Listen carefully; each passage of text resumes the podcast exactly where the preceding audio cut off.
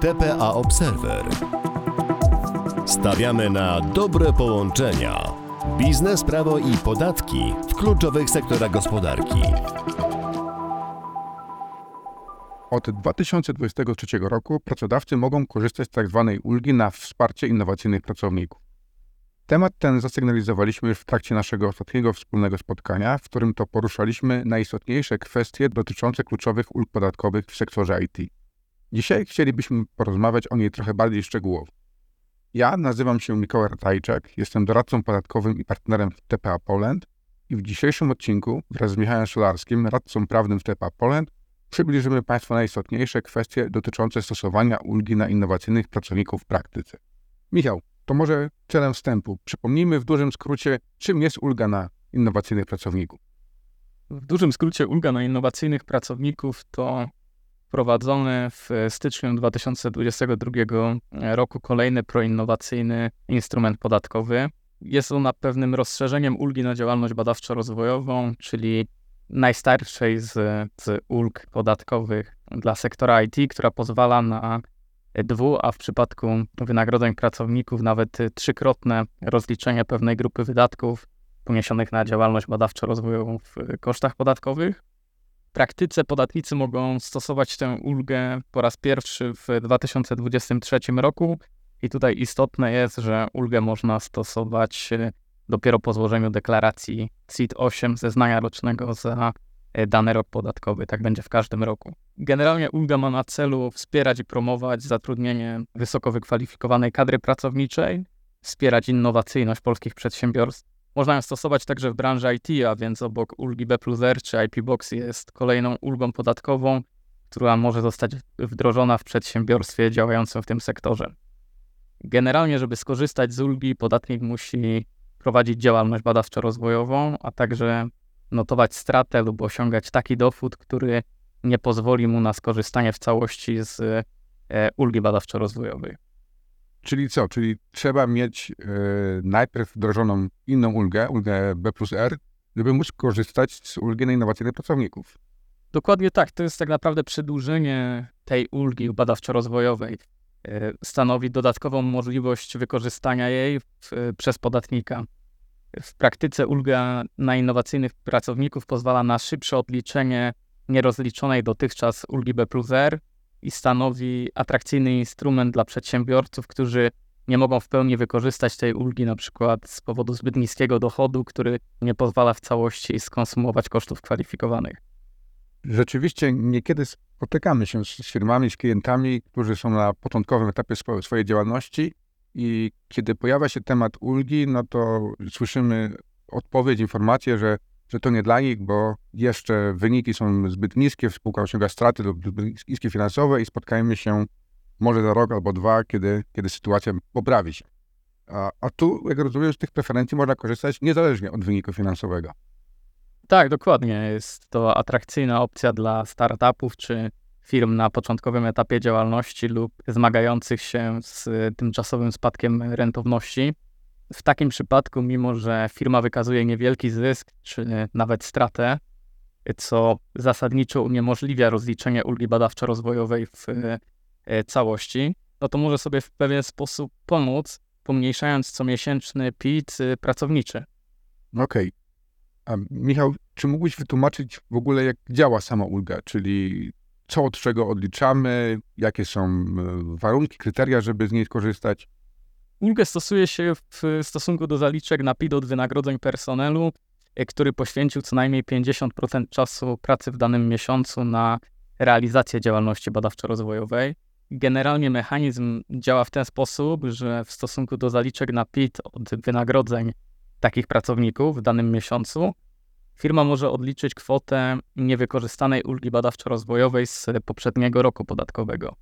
Czyli sprowadza się to do tego, że taki podatnik ma możliwość zachowania kwot pobranych zaliczek na PIT części e, personelu, właśnie tego personelu, który co najmniej 50% czasu danego miesiąca poświęcił na działalność badawczo-rozwojową, no i tutaj jakby istotne jest to, że żeby podatnik e, posiadał odpowiedni limit niewykorzystanej ulgi B plus. I jak już wspomniałem, rozpoczęcie korzystania z ulgi w danym roku możliwe jest od miesiąca następującego po miesiącu, w którym podatnik złożył deklarację roczną. Czyli jakby istotne jest to, że tak naprawdę każdego roku w momencie, w którym złożymy deklarację roczną, to dopiero od kolejnego miesiąca będziemy mogli korzystać z tej ulgi. To może spróbujmy to przejść na przykładzie. Postaram się, żeby nie był zbyt skomplikowany.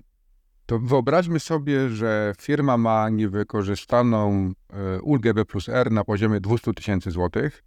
Jednocześnie zatrudnia 15 pracowników, z czego 10 to na przykład programiści, którzy wykonują działalność badawczo-rozwojową, powiedzmy w 60-80% e, miesięcznego czasu.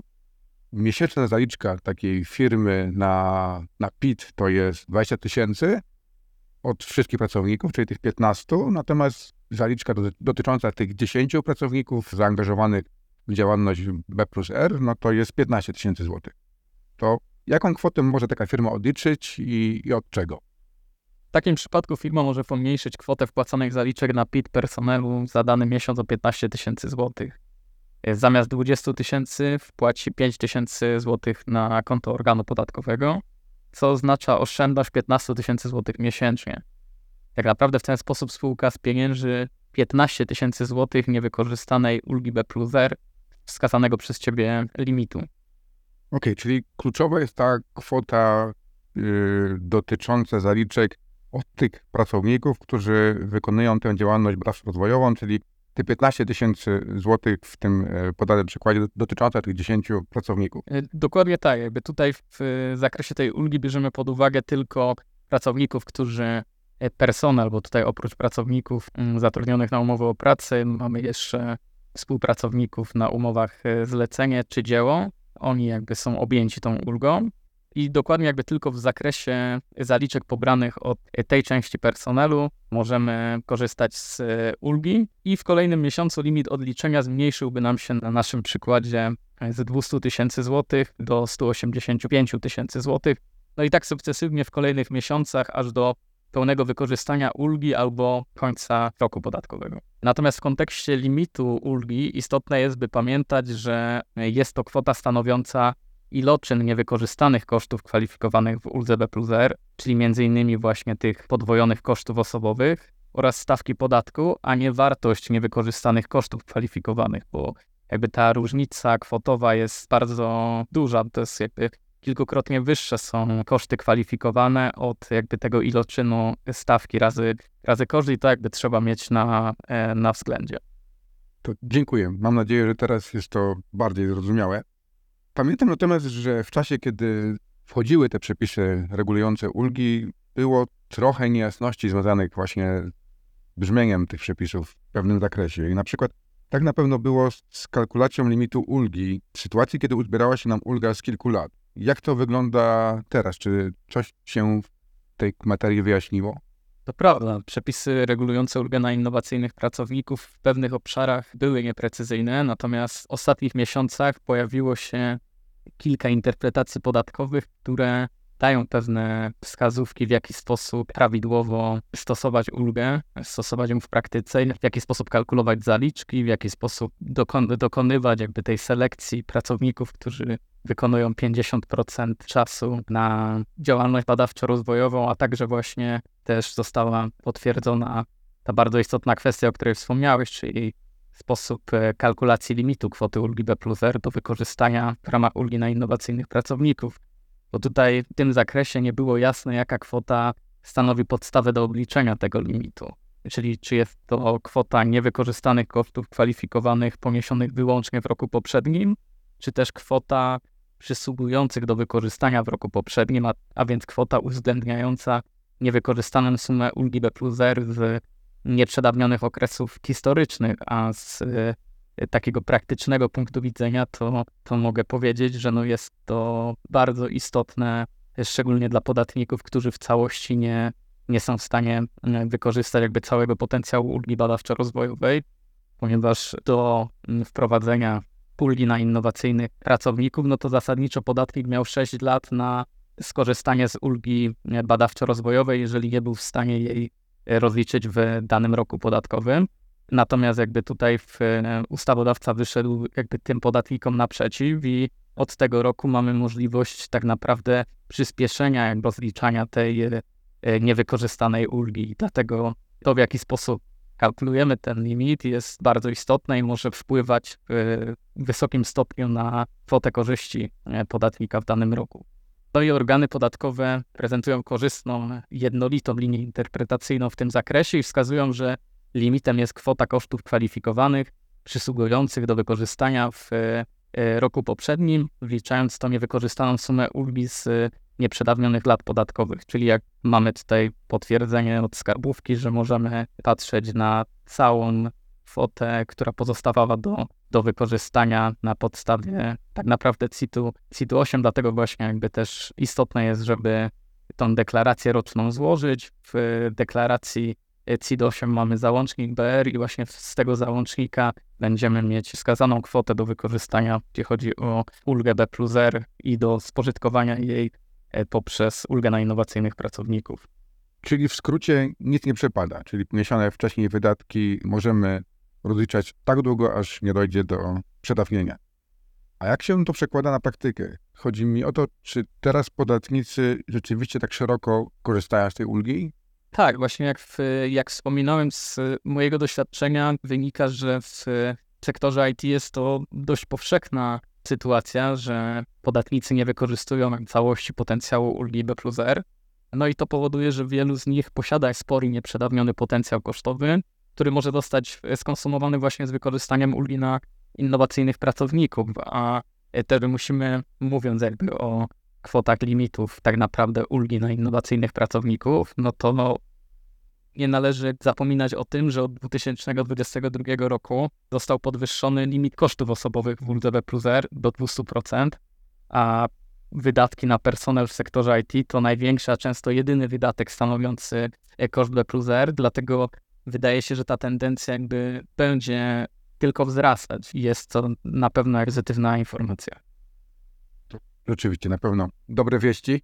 A taki miks ulga B plus R w aktualnym wydaniu plus ulga na innowacyjnych pracowników może przynieść wiele korzyści. A co jeszcze wzbudzało wątpliwości? Niejasny był e, także sam sposób obliczania czasu pracy pracownika w celu zakwalifikowania zaliczki od jego wynagrodzenia na potrzeby ulgi. I tutaj może przypomnę, ulgę na innowacyjnych pracowników stosuje się wyłącznie w stosunku do zaliczek na PIT od wynagrodzeń personelu, który poświęcił w danym miesiącu co najmniej 50% ogólnego czasu pracy na realizację działalności badawczo-rozwojowej. No i problematycznym w tym zakresie było ustalenie, jak należy rozumieć ogólny czas pracy danej osoby w konkretnym miesiącu. Czy należy do niego wliczać także czas, w którym dany pracownik znajduje się poza dyspozycją pracodawcy, na przykład z powodu urlopu czy zwolnienia lekarskiego, no i tutaj organy podatkowe przychyliły się do stanowiska podatników, wskazując, że urlop czy inna usprawiedliwiona nieobecność nie mogą być wliczane do ogólnego czasu pracy, o którym mowa w przepisie.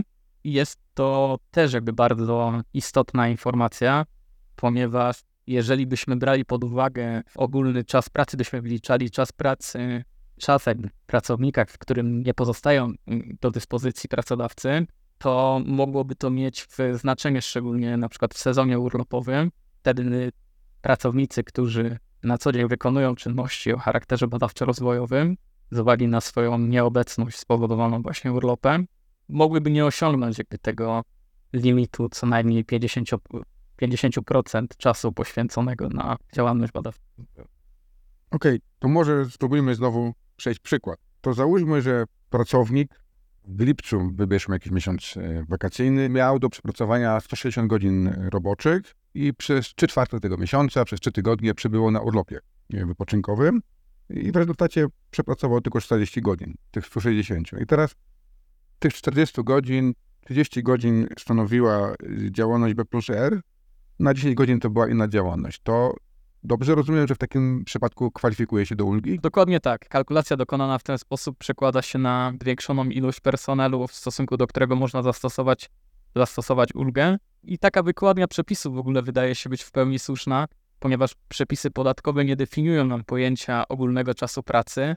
Dlatego w mojej ocenie organy podatkowe słusznie definiują to, to pojęcie w oparciu o przepisy kodeksu pracy, w którym właśnie jest wskazane, że czas pracy pracownika jest czasem, którym pozostają do dyspozycji pracodawcy. No i jakby niewątpliwie, e, tak jak już wspominałem, w okresie urlopowym czy też w e, okresie grypowym może to mieć znaczenie dla pracodawców, podatników.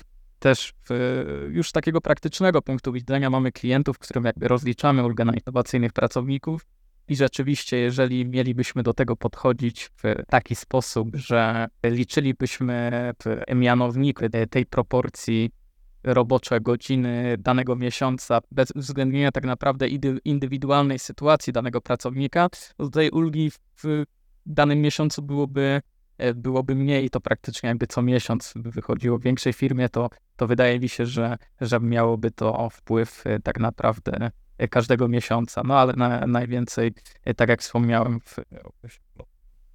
Dziękuję, Michał. Myślę, że poruszyliśmy chyba najistotniejsze kwestie związane z funkcjonowaniem tej ulgi na innowacyjnych pracowników. Także bardzo Ci dziękuję za dzisiejszą rozmowę. Mam też nadzieję, że udało nam się trochę oswoić mechanizm działania tej ulgi, a od siebie dodam tytułem zakończenia, ale też czyniąc pewne zastrzeżenie, że interpretacje podatkowe, o których pominąłeś e, w czasie naszej rozmowy, mają taką moc ochronną, ale tylko dla podatników, dla których zostały wydane, czyli pozostali podatnicy mogą oczywiście, mają do nich dostęp, natomiast jest to dla nich taka wskazówka interpretacyjna, natomiast zastosowanie się do nich nie zabezpiecza ich sytuacji. Wiemy też z doświadczenia niestety, że niekiedy stanowisko organów podatkowych, a nawet sądów administracyjnych potrafi się zmienić. Dlatego tak kluczowe jest bieżące, albo przynajmniej cykliczne monitorowanie sytuacji, brzmienia przepisów, a także praktyki, czyli podejścia do, do interpretacji tych przepisów, aby nie zostać zaskoczonym jakąś zmianą w tym zakresie. Zdecydowanie masz rację, dlatego wszystkich przedsiębiorców, którzy są zainteresowani tematyką podatków w branży IT, zapraszam do odwiedzenia naszego bloga oraz śledzenia biletynu podatkowego, których to staramy się na bieżąco dzielić najnowszymi trendami czy zmianami podatkowymi związanymi z szeroko rozumianym sektorem informatycznym. I może korzystając z okazji, przypomnę, że jeśli ktoś jest zainteresowany weryfikacją możliwości skorzystania z ulgi B plus a w tym także z ulgi na innowacyjnych pracowników, to zachęcam do wypełnienia bezpłatnego formularza. Do tego formularza znajduje się w opisie niniejszego podcastu lub do bezpośredniego kontaktu z nami. Bardzo dziękuję. Do usłyszenia. Dziękuję. Do usłyszenia. Dziękujemy za wysłuchanie podcastu TPA Observer. Zapraszamy do zapoznania się z kolejnymi odcinkami, w których rzucamy światło na zawiłości biznesowe, podatkowe i prawne, wyjaśniamy wątpliwości i przedstawiamy rozwiązania wspierające prowadzenie profesjonalnego biznesu.